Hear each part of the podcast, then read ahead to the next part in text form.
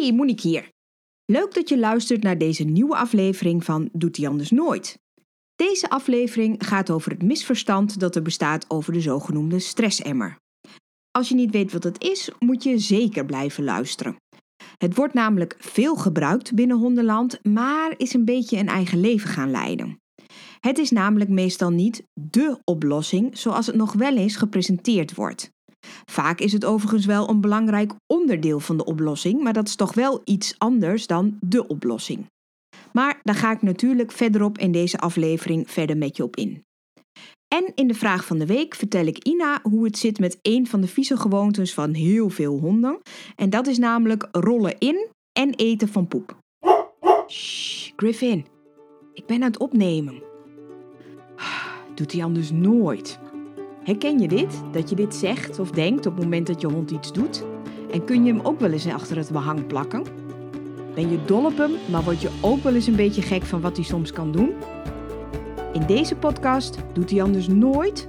Vertel ik elke week waarom je hond dat doet, hoe dat komt dat hij het blijft doen, of misschien ook wel niet, en natuurlijk wat je eraan zou kunnen doen. Ik ben Monique Bladder, gedragstherapeut voor honden.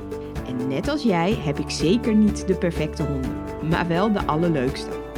Ondanks dat ze soms dingen doen die ze anders nooit zouden doen. Tori is de Jack Russell teef van Linda. En ze is twee jaar oud. Ja, Tori natuurlijk, niet Linda. Linda worstelt al vanaf pup af aan met het feit dat Tori niet goed alleen kan zijn. Als Linda weg moet, jankt en blaft Tori alles bij elkaar. Tot grote ergernis van natuurlijk Linda, maar zeer zeker ook van de buren. En nu hoeft Tori eigenlijk helemaal niet veel alleen te zijn. Gemiddeld is Linda zo'n anderhalf, twee uur per dag even buiten de deur. En als een hond geleerd heeft om alleen te zijn en dat dus ook prima kan, is anderhalf of twee uur op een dag de hond alleen laten natuurlijk helemaal geen probleem. Er zijn een heleboel honden die drie of vier uur per dag alleen zijn en sommige zelfs uh, wat meer. Zou ik niet direct aanraden, maar voor sommige honden kan dat ook prima. Maar bij Tori ging er dus iets mis, want anderhalf of twee uur op een dag was een probleem. Linda trainde zich bij wijze van spreken ongeluk, maar kwam niet echt veel verder. Het leek vaak een tijdje goed te gaan, maar na verloop van tijd lagen er toch weer briefjes van de buren in de hal met de melding dat Tori weer alles bij elkaar had geblaft. Dus gingen we, Linda en ik, samen aan de slag om Tori en de buren te helpen. Een deel van wat we hiervoor gedaan hebben, ga ik in deze aflevering met je bespreken. Ik ga het met je hebben over stress, hoe dat een rol speelt bij allerlei soorten probleemgedrag. En natuurlijk ga ik je tips geven over wat je eraan kunt doen. Zeven tips om precies te zijn. Ik heb al een eerdere aflevering opgenomen over wat stress eigenlijk is. Stress wordt namelijk heel vaak verward met iets dat tussen de oren zit. Uitspraken als ik heb stress of ik ben gestrest gebruiken we heel vaak voor onszelf. En we gebruiken het ook heel vaak als een beschrijving of ja, eigenlijk een stempeltje voor alles wat een hond kan laten zien aan gedrag. Hij is gestrest, hij is overprikkeld um, en dat geeft vaak enigszins een verkeerd beeld. In de afgelopen tijd is er heel veel bekend geworden over het zogenoemde stressemmertje dat overloopt. Ik heb daar zelf ook wel een aandeel in, want ik gebruik het uh, als een mooie manier om mensen wat meer duidelijk te maken over wat er nou gebeurt in het lijf en in de hersenen van een hond op het moment dat hij bepaald gedrag laat zien wat je misschien liever niet wilt. En ik leg dan ook heel vaak aan de hand van dat stressemmertje uit hoe dat een rol kan spelen in het gedrag.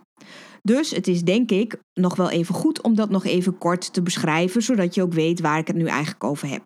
Elke hond elk individu eigenlijk, heeft een figuurlijk stressemmertje. Dat is natuurlijk niet echt zo. Niemand heeft een echte stressemmer in zijn lijf, maar daarmee probeer ik aan te duiden en wat meer uit te leggen.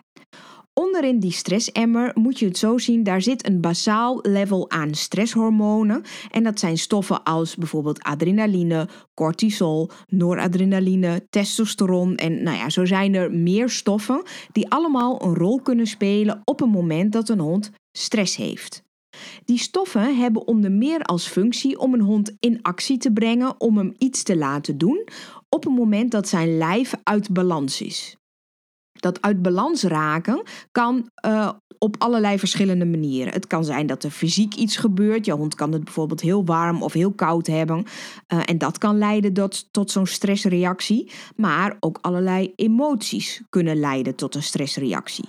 Nou, en wat is dan zo'n stressreactie? Dat betekent dat er dan dus meer van die stoffen vrijkomen en die vullen dus die figuurlijke stressemmer. Die stressrespons is dus eigenlijk niet iets wat tussen je oren eh, gebeurt, maar is iets wat in een lichaam gebeurt. Stress is een fysiek proces. En dat fysieke proces wordt in gang gebracht door of dingen die in het lijf van een hond gebeuren, of door bepaalde emoties. En die stress is dan dus een van de factoren die ervoor zorgt dat een hond iets kan doen, iets gaat doen om zijn lijf weer in balans te krijgen. Nou, en zo'n emotie kan daaronder liggen en die emotie hoeft dus niet per definitie negatief te zijn. We denken bij stress heel vaak aan negatieve emoties, maar die stressrespons, die fysieke reactie, kan ook ontstaan als een hond bijvoorbeeld heel erg blij is.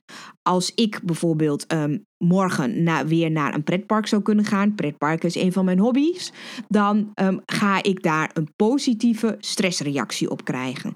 Als gevolg van een positieve emotie krijg ik een stressrespons. Die emmer kan zich op verschillende manieren vullen. Als eerste kan het zijn dat er iets heftigs gebeurt, dat er plotseling iets gebeurt wat ervoor zorgt eigenlijk dat die emmer zich in één keer vult en in één keer overloopt. Het kan ook zijn dat er door de dag heen dat er allerlei kleinere dingen gebeuren die ervoor zorgen dat er stresshormonen vrijkomen, dat die emmer dus ietsjes voller raakt, ehm, maar dat het er niet voor zorgt dat die emmer in één keer overloopt. Nou, in dat laatste geval hebben we het over trigger stacking, oftewel over stapeling. En wat dan belangrijk is om te weten, is dat op het moment dat zo'n emmer overloopt, krijg je dus heftig explosief gedrag. En vaak is dat heftige explosieve gedrag is een vorm van probleemgedrag.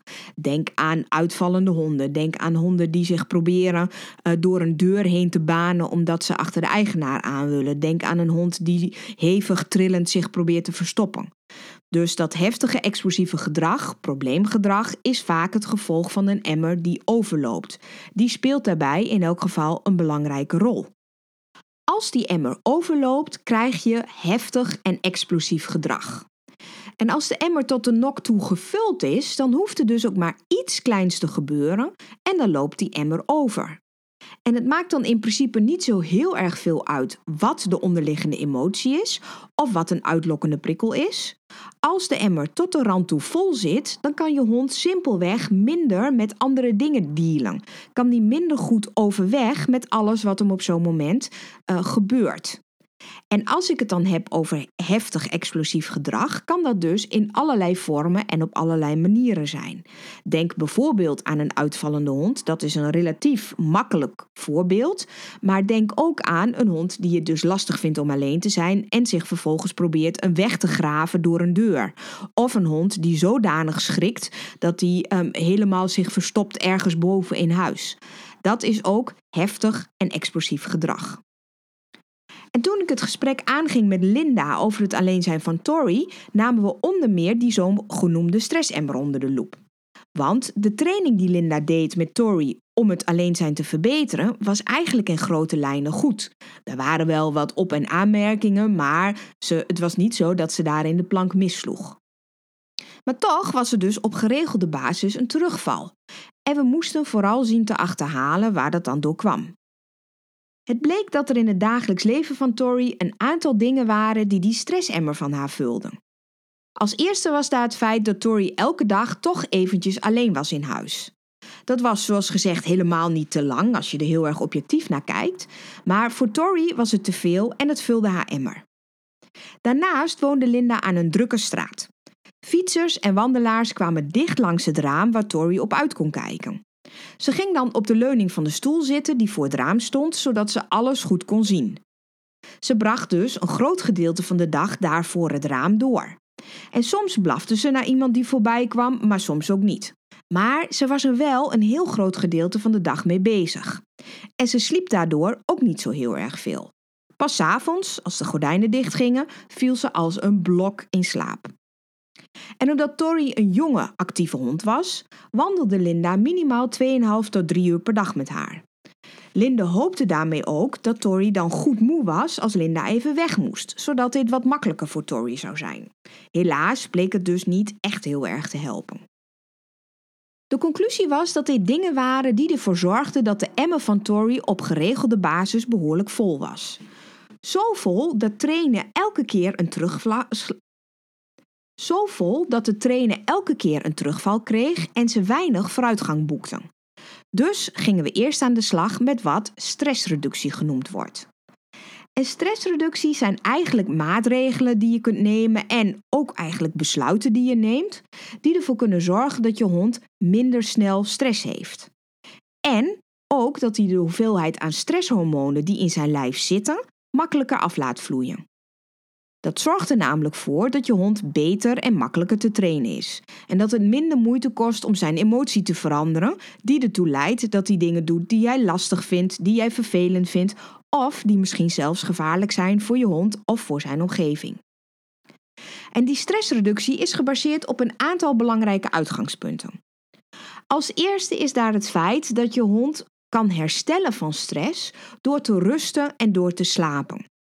Net zoals voor mensen slaap en rust heel erg belangrijk is in drukke periodes waarin wij ook een, drukke of een, een heftige stressrespons hebben, geldt dat voor honden ook. Rust en slaap geeft het lichaam van je hond de gelegenheid om weer in balans te komen. Om de stresshormonen die in zijn lijf razen, om die verder af te bouwen, om die af te laten vloeien. Voor honden geldt dat een gemiddelde volwassen hond ongeveer 14 uur slaap per etmaal nodig heeft. Dus per 24 uur.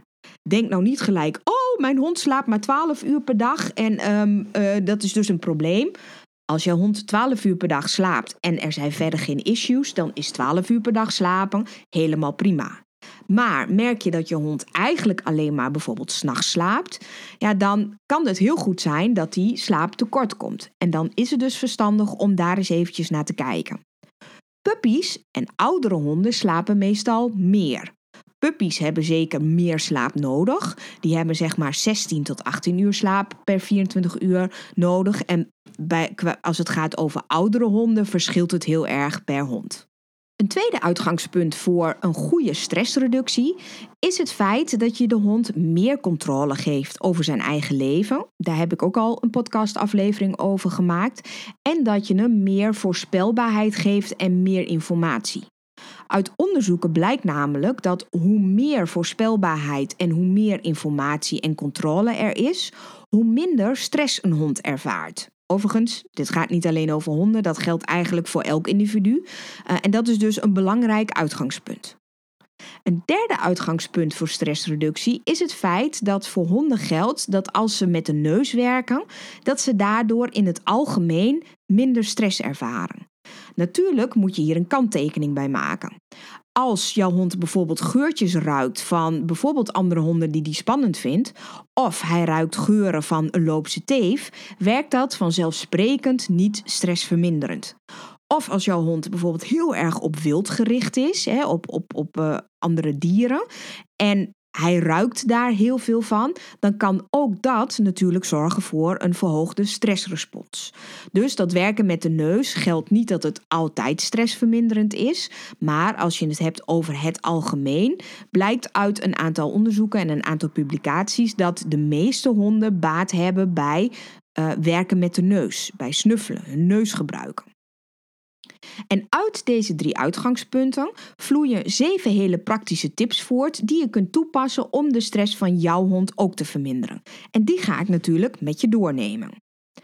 De allereerste is dat het belangrijk is dat je zorgt voor voldoende rust voor je hond. Het liefst dat je zorgt voor voldoende slaap, maar ja, Net zoals mensen wel eens tegen mij zeggen, je moet meer slapen. Zo simpel werkt het natuurlijk niet, want ik kan ook niet het knopje slapen aanzetten. En dat geldt voor je hond ook. Maar het is belangrijk dat je zoveel mogelijk de voorwaarden creëert dat je hond voldoende slaap krijgt. Dat betekent als eerste dat je zorgt voor een goede slaapplek waar die zich comfortabel voelt en die ook op een plek is waar je hond rustig kan slapen. Wat voor een heleboel honden een fijne plek kan zijn, is een bench waar een, bijvoorbeeld een deken overheen staat op een plek die wel rustig is voor je hond, maar waar die wel uitzicht heeft op de rest van het gezin.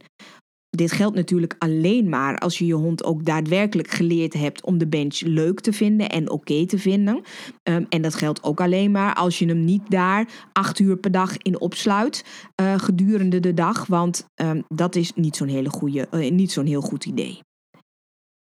Geef je hond ook gelegenheid om te rusten. En wat bedoel ik daar nou mee? Nou, neem hem niet altijd overal mee naartoe.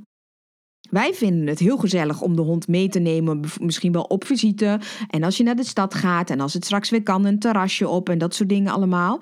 Uh, maar als je hond daardoor te weinig slaapt, als hij te veel bezigheid heeft overdag, ja, dan kan het er dus toe leiden dat, um, dat hij het lastig vindt om zijn figuurlijke stressemmer te legen.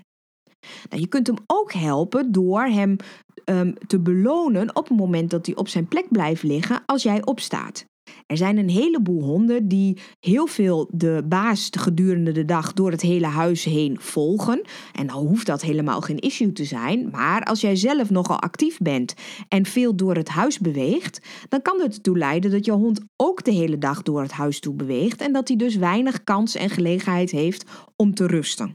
En dat kun je bijsturen door er een oefening van te maken dat hij ook kan blijven liggen op het moment dat jij opstaat. En als ik het dan heb over voldoende rust, is het ook belangrijk dat je niet urenlang met je hond op een dag wandelt. Vanzelfsprekend heeft een hond beweging nodig en heeft hij activiteiten nodig. Maar het is echt niet noodzakelijk om 2,5, 3,5 op een, op een dag met je hond uh, te wandelen. Gemiddeld gezien heeft een hond aan anderhalf uur per dag wandelen, uh, als in een langere wandeling, meer dan voldoende. Ik hou voor mijn eigen honden eigenlijk aan, en ik adviseer dat de meeste mensen ook, om gemiddeld een lange wandeling van een uur ongeveer te maken per dag. En dan de andere uh, uitlaatrondes een ja, ordinair poep- en plasrondje te laten zijn. Als jij nou twee uur op een dag met je hond wandelt, tweeënhalf uur met je hond op een dag wandelt en je hoort me dit nu zeggen, denk dan niet gelijk van, oh, ik wandel veel te veel. Als er geen probleem is met je hond, Ga lekker wandelen. Zijn er wel issues met het gedrag van je hond? Ja, dan is dit een van de punten waar je aan kunt denken. Dus um, relativeer dit. Dit is nu niet een wet van mede en persen waarbij ik zeg: je mag zeker niet meer dan anderhalf uur per dag met je hond wandelen. Dat zeg ik zeker niet. Maar als er problemen zijn, is dit dus een van de dingen waar je naar kunt kijken en waar je op kunt letten. Nou, de tweede tip die ik je mee wil geven is dat je gaat proberen om een vast dagritme aan te houden voor je hond. Daarmee bedoel ik niet dat je elke ochtend om 6 uur op moet staan en je hond eten moet geven en dat dan ook bijvoorbeeld in het weekend moet doen. Maar dat het wel fijn is voor je hond als die wat een, een vaste volgorde heeft van dingen die op een dag gebeuren. Want denk aan het verhaal van controle en voorspelbaarheid, daar kan een hond een heleboel aan hebben. In datzelfde kader van controle, voorspelbaarheid en informatie kan het heel zinvol zijn om je hond uit te laten op dezelfde routes en dezelfde gebieden die zo prikkelarm mogelijk zijn. Dit geldt zeker voor honden die problemen hebben met bijvoorbeeld andere honden of bijvoorbeeld bepaalde voorwerpen of uh, geluiden die je tegenkomt tijdens de wandeling. Dan is dat zeer zeker belangrijk. Wij hebben heel vaak het idee dat daarmee onze wandeling te saai wordt, maar als je dan heel eerlijk bent, wordt die wandeling vooral te saai voor ons. Niet zozeer voor je hond, want die heeft meestal allerlei andere geurtjes, um, waar die elke keer, waardoor die omgeving elke keer weer nieuw wordt voor hem. En ik zeg ook helemaal niet dat je maar één vast plekje mag uitzoeken, zeker niet. Maar probeer er niet elke keer een andere wandeling van te maken. En als jouw hond echt problemen heeft buitenshuis, zou ik echt maximaal twee zo prikkelarm mogelijke gebieden uitkiezen en daar in eerste instantie zoveel mogelijk gaan wandelen. Een andere manier waarop je dingen voorspelbaarder kunt maken voor je hond is door dingen te benoemen. En dat is tip nummer 4. Nou, wat bedoel ik daar nou mee? Nou, als je weet dat je hond bijvoorbeeld bang is voor een auto en je ziet een auto aankomen, zeg dat is een auto. Als je hem moet borstelen, ga je zeggen ik ga je borstelen. Zodat je niet je hond zomaar overvalt met dingen, maar dat hij weet wanneer iets gaat gebeuren. Dat is, ook al is het namelijk iets wat voor je hond minder leuk of minder prettig is, dan nog kan het ervoor zorgen dat het voor hem beter te handelen is. Overvallen me dus niet mee, maar ga dingen benoemen. Nou, de vijfde tip die ik je wil geven is: zet je hond zoveel mogelijk aan tot het gebruiken van zijn neus in het dagelijkse leven. En dat kan op een aantal hele simpele, eenvoudige manieren. De eerste is dat ik je aanraad om je hond niet te voeren uit een normale tussen haakjes voerbak, maar om te kiezen voor een anti-schrokbak bijvoorbeeld, um, waar de hond dus iets meer moeite voor moet doen om het daaruit te krijgen. Zorg er wel voor dat het niet frustrerend is voor je hond. Dus dat hij er niet heel veel moeite voor moet doen. En dat hij daardoor, nou ja, zeg maar gaat blaffen of met zijn poten moet gaan slaan om het uit te krijgen. Het moet wel oké zijn. Uh, maar zo'n anti-schrokbak kan, is over het algemeen niet te moeilijk. En daar lukt dat eigenlijk meestal wel makkelijk mee in zo'n anti-schrokbak, zoals bijvoorbeeld een green, maar je hebt er allerlei verschillende varianten van, um, kun je zeker sowieso uh, gewone brokjes in doen. Voer je je hond vers vlees, kan dat ook in zo'n anti-schrokbak, want de meeste anti-schrokbakken kunnen vervolgens gewoon in de vaatwasser. Dus er is geen enkele reden om dat niet te gebruiken. Als je brokjes geeft als voer voor je hond, kun je er ook voor kiezen om die voertjes door je hele huis te verspreiden. Of bijvoorbeeld in de tuin te strooien, zodat je hond er echt naar op zoek moet, in plaats van dat je het uit een ordinaire, tussen haakjes, gewone voerbak uh, laat eten. Nou, twee andere manieren waarop je ook makkelijk de neus van je hond kunt aanzetten in het dagelijks leven, is het doen van hersenwerk. En hersenwerk zijn um, ja, makkelijker te maken puzzeltjes van allerlei huistuin- en keukenmateriaal. Uh, waarbij de hond er dus over na moet denken hoe hij de voertjes krijgt. Dat kun je in allerlei gradaties doen, van heel simpel tot best wel heel erg ingewikkeld. En Hersenwerk voor Honden.nl heeft daar ook speciale instructeurs voor opgeleid. En uh, Inge van Harten en Marleen van Baal hebben daarover ook een boek geschreven. Op Facebook is ook een hele groep te vinden en er is dus een hele website. Dus er zijn allerlei manieren om daarover de juiste informatie te krijgen. En last but not least is de zogenoemde snuffelwandeling. En wat bedoel ik nou met de snuffelwandeling? Nou, dat is een wandeling waarbij je de hond echt gewoon de gelegenheid geeft om te snuffelen. Ook om voor je uit te lopen. En dat doe je het liefst aan een wat langere lijn, zodat je hond wat meer de ruimte krijgt. En dat hij dus zelf de tempo mag bepalen van zijn wandeling, waarbij hij de gelegenheid krijgt om van alles te onderzoeken. Wij hebben namelijk heel erg de neiging om die wandeling voor de hond te bepalen. Waarbij we heel vaak een tikkeltje ongeduldig zijn op het moment dat een hond ergens staat te snuffelen. Maar gemiddeld schijnt een hond ongeveer 10 seconden nodig te hebben om wat informatie op te halen uit een bepaalde geur en geef je hond daartoe dan ook de gelegenheid. Ik maakte al eerder de opmerking, zorg er dan wel voor, of probeer in elk geval in te schatten, um, dat het geurtjes zijn waar je hond niet heel erg een stressrespons van krijgt, maar dat het hem wel wat informatie geeft en dat hij daardoor ook mentaal uitgedaagd wordt. Tip nummer 6 sluit aan bij het werken met de neus. En dat is dat je heel goed sporten kunt gaan doen, zoals bijvoorbeeld speuren of zoals bijvoorbeeld detectiewerk. En bij speuren heb ik het dan vooral over praktijkspeuren, waarbij honden leren om een spoor te volgen van een vermiste persoon. Uh, en bij detectiewerk gaat het erom dat je hond leert om een bepaalde geur te identificeren. Honden die bijvoorbeeld naar drugs zoeken, dat is eigenlijk ook detectiewerk. Nou, voor speuren heb je het over het algemeen heb je daar lessen voor nodig van een speurinstructeur. Kan ik je zeer zeker aanraden. Detectiewerk kun je ook zelf doen en daar zijn inmiddels ook een aantal online partijen op de markt die ik je daarin aan zou raden om daar eens naar te kijken. Renate Hagen heeft bijvoorbeeld een um, detectiewerk cursus ontwikkeld die je online kunt volgen. En uh, zij heeft het bedrijf Dog Advice en ik raad je ook zeker aan om daar eventjes te gaan kijken. En dan de zevende en laatste tip is dat je je hond op allerlei manieren kunt ondersteunen, zodat hij makkelijker zijn stress kan verwerken. Dat kun je op allerlei manieren doen en met allerlei verschillende middelen. En dat zijn dan complementaire middelen. Nou, wat zijn nou complementaire middelen? Dat is alles wat je aanvullend zou kunnen doen.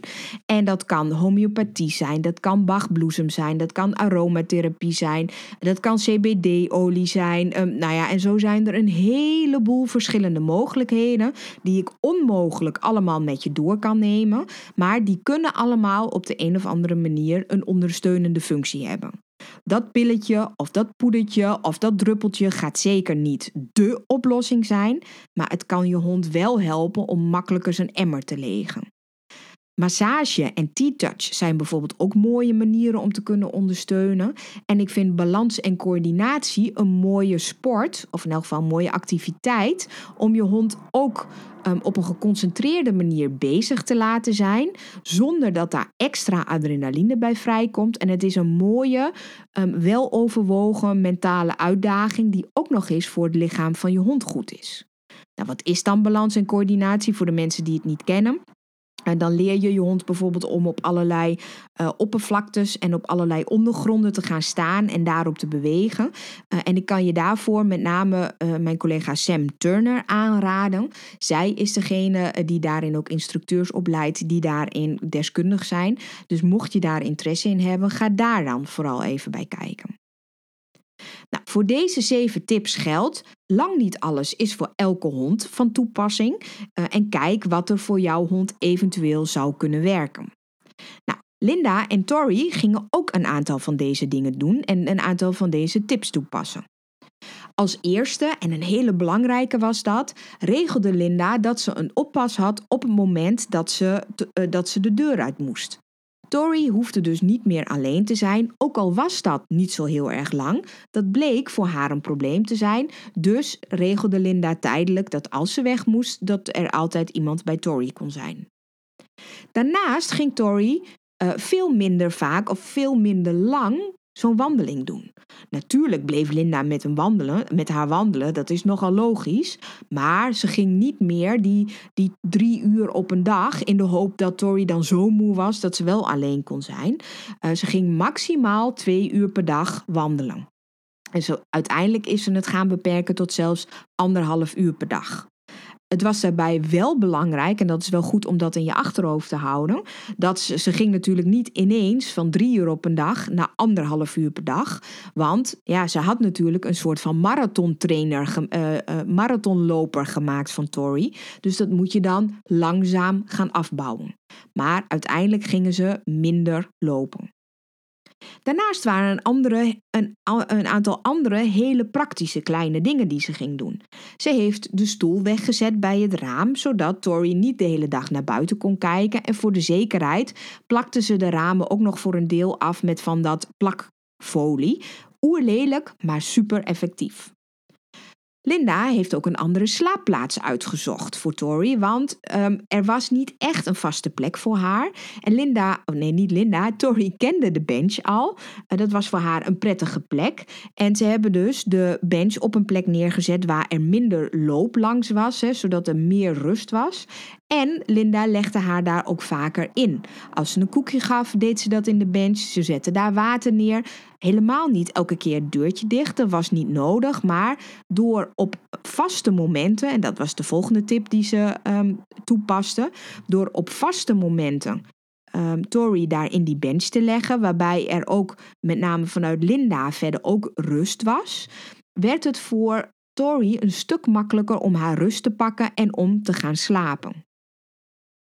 Nou, daarnaast ging um, Linda Tori geen voer meer geven uit de gewone voerbak, maar deed ze dat uit de zogenoemde green.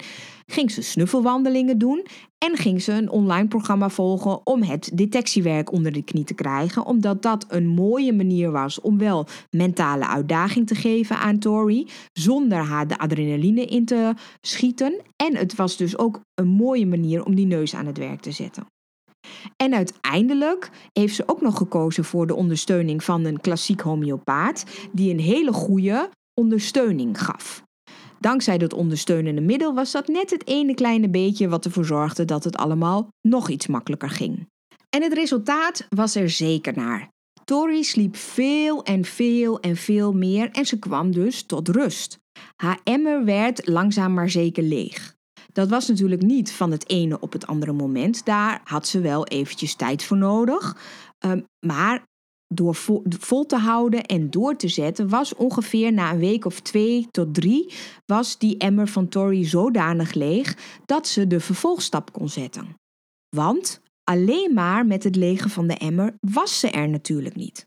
Dat is namelijk de hele grote valkuil waar een heleboel hondeneigenaren in stappen. Door alleen maar stress te verminderen, los je meestal nog niet het probleem op van je hond. Het is een belangrijke eerste stap om die training goed te laten werken, maar je doet met het legen van die emmer vooral iets aan het gevolg van het probleem, aan het gevolg van de kern van het probleem en de factoren die dat beïnvloeden. De kern van het probleem is namelijk meestal een onderliggende emotie. Een hond die bang wordt als hij een geluid hoort. Een hond die uh, eenzaam wordt op het moment dat hij alleen gelaten wordt. Een hond die boos wordt op het moment dat iemand wat van hem probeert af te pakken. Of, zoals dus in het gevolg van Tori, dat ze dus inderdaad eenzaam werd op het moment dat Linda er niet was. Als je dan die emmer leegt, doe je niks aan die eenzaamheid. Als je de emmer leegt, doe je nog niks aan het feit dat jouw hond misschien een andere hond eng vindt. Als je die emmer leegt, doe je er nog niks aan aan het feit dat jouw hond gefrustreerd raakt als je bijvoorbeeld een botje probeert af te pakken. Wil je daar iets aan doen, wil je iets doen aan de kern van het verhaal, moet je trainen. En als we dan terugkijken naar Linda en Tori, in het verleden was het zo dat die training niet landde omdat de emmer te vol was. Als er dan maar iets gebeurde wat spannend was, iets wat haar emmer vulde, was het resultaat al zodanig dat die emmer alweer overliep en dat ze dus niet meer Tori dat kon leren wat ze wilde dat ze leerde. Namelijk dat de wereld niet verging op het moment dat ze eventjes alleen was, dat ze zich daar geen zorgen over hoefde te maken. En door die emmer te legen was er ruimte voor die training. Door die emmer te legen kon ze vervolgens goed omgaan met eventueel spannende dingen en kon ze dus wel leren wat we haar wilden leren. Namelijk dat als Linda even wegging, dat het niet erg is, dat de wereld niet verging en dat kon ze dus door het legen van die emmer aan. Maar daarna moesten we haar dus wel dat hele proces aanleren. Kortom, denk niet dat stress het probleem is, want dat is het meestal niet. Stress is meestal het gevolg van een onderliggend probleem of van allerlei onderliggende dingen die je hond in het dagelijks leven meemaakt. Het is zeker verbonden met het probleemgedrag, maar met alleen stressreductie ben je er nog niet. Ga ook trainen. Ga ook aan de slag met de onderliggende emotie.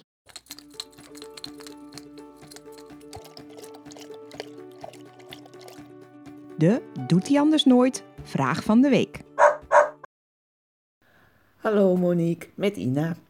Ik heb de volgende vraag aan jou. Waarom vinden honden het fijn om in vieze dingen te rollen, zoals dode konijnen, vogels, vis enzovoort? Mijn hond vindt het namelijk heel fijn om in mensenpoep te rollen en doet dat dan ook heel grondig. Gelukkig eet ze het niet. Paardenmes daarentegen loopt ze gewoon voorbij. Er wordt altijd gezegd dat het camouflage is. Maar is dat ook zo? Dankjewel Ina voor je vraag. En het is echt heel erg goor. Ik weet er alles van. Ik heb Griffin, een flatcoated retriever. En ik heb ook andere retrievers gehad. En het lijkt in elk geval ook iets te zijn wat zeer vaak bij retrievers voorkomt. Wat zeker niet wil zeggen dat andere rassen het niet doen. Ik weet bijvoorbeeld helemaal niet welke hond, welk soort hond jij hebt. Maar het is iets wat bijvoorbeeld veel voorkomt bij retrievers. En ik heb er dus persoonlijk veel ervaring mee. Ik zou haar zeggen, helaas. En ik moet je eerlijk zeggen, het is niet mijn expertise. Maar op basis van wat ik ervan weet en ook ehm, op basis van wat ik zie, denk ik dat honden het gewoon lekker vinden om die geur om zich heen te hebben. En ja, zoals gezegd, ik ben dus niet de expert, dus ik weet niet of het een bewust proces is van camouflage, van proberen te camoufleren. Ehm, maar ik denk wel dat honden niet bewust bezig zijn met: oké, ik moet nu een geur aannemen, want daarmee camoufleer ik mij voor de buitenwereld. Ik denk dat honden inmiddels zodanig gedomesticeerd zijn en zich zodanig aan ons aangepast hebben, dat dat in elk geval niet een bewust proces is. Ik denk wel dat het een proces is wat ze zeg maar in hun genen bij zich hebben. En ik ben bang dat ze het inmiddels gewoon fijn vinden of lekker vinden. En dat geldt dus ook voor het eten van allerlei soorten ontlasting. Van mensen, van katten, van andere honden, van koeien en paarden. En wij vinden het over het algemeen heel erg vies, maar honden vinden het vooral lekker. En daarmee is het dus ook super zelfbelonend en zelfbekrachtigend. En dat maakt dat het ook iets is wat heel lastig is om te bestrijden. En als ik het dan heb over het eten van al die verschillende soorten ontlastingen, er gaan ook verhalen dat het is om tekorten aan te vullen. Ehm, maar over het algemeen denk ik niet dat dat aan de hand is. De voeding van onze honden is namelijk inmiddels zodanig compleet. Er zijn eigenlijk niet echt voedingen die um, tekorten geven, zeg maar. Dus ik denk dat de kans erg klein is dat een hond het daarom doet. Hiermee zeg ik overigens niet dat er in mijn ogen um, betere en wat minder goede voedingen zijn. Maar over het algemeen zijn die voedingen niet zodanig dat ze dat uh, makkelijk tekorten zouden um, doen opleveren, zeg maar. In elk geval niet in de hoeveelheden. Als je dat in de verhouding ziet met hoeveel honden er wel niet poep eten en de mate waarin eventueel voeding een tekort zou kunnen veroorzaken, dat is helemaal niet met elkaar te vergelijken. Ik ben bang, helaas, dat het een kwestie is van smaak. En het is dus heel erg zelfbelonend. Het is dus vooral zaak om zoveel mogelijk uh, het zien te voorkomen en je hond al van jongs af aan een cue aan te leren, zodat het hem iets oplevert als hij iets laat liggen. Maar ja, dan moet je het zelf ook wel zien en dat lukt natuurlijk niet altijd. Sterker nog, Vlak voordat ik deze podcast opnam, was ik ook even aan de wandel met de honden. En Griffin deed het echt gewoon helemaal van top tot teen zat hij en onder de ganzenpoep. En daarna liep ik ook nog ergens waar, denk ik, vissers gezeten hebben. Dus je kunt wel nagaan waar die daarna ook nog in rolde. Gelukkig was er ook water dichtbij en had ik iets bij me om uh, het water in te gooien wat hij op kon halen. Dus de schade was relatief beperkt. Maar ook zo hoor je dan wel dat het iets is wat best heel erg lastig is om iets aan te doen. Zeker als je uh, ver weg wilt blijven van heftige positieve correcties. In deze aflevering van Doet hij anders nooit heb ik je 7 tips gegeven om de stress van je hond te verminderen. Het zijn mooie eerste stappen om je hond te helpen als hij iets doet wat je vervelend vindt, lastig is of misschien zelfs gevaarlijk. Maar realiseer je wel dat het waarschijnlijk niet dé oplossing is. Dat het zeker wel helpt, maar dat je met alleen het werken aan de overprikkeling of het stressemmertje nog niet alles opgelost hebt. Helaas, ik zou graag willen dat het zo was, maar als ik je dat zou beloven, zou ik je voorliegen. Desalniettemin hoop ik dat je met deze informatie weer wat verder komt. In de andere afleveringen vertel ik je nog meer over wat jullie verder kan helpen. Je kunt hiervoor gaan naar www.vriendvandeshow.nl slash doet anders nooit. En daar kun je volgens het principe geef wat het je waard is ook een donatie doen. Het bedrag bepaal je natuurlijk helemaal zelf. Ook als je ervoor kiest om geen donatie te doen. Natuurlijk kun je ook abonneren of de podcast volgen. Mijn podcasts zijn tegenwoordig ook op mijn YouTube-kanaal te vinden, waar ik nog meer informatie met je deel. Dus ik kom je vast wel weer ergens tegen. Bedankt dat je hebt geluisterd naar Doet hij anders nooit. Ik hoop dat ik jou en je hond wat verder heb geholpen. Wil je geen enkele Doet hij anders nooit missen? Abonneer je dan op mijn podcast en nog beter, laat een review achter. Zou ik super blij mee zijn. Wil je dat ik jouw vraag ook beantwoord in deze podcast? Mail dan naar contact@moniquebladder.nl. Tot volgende week.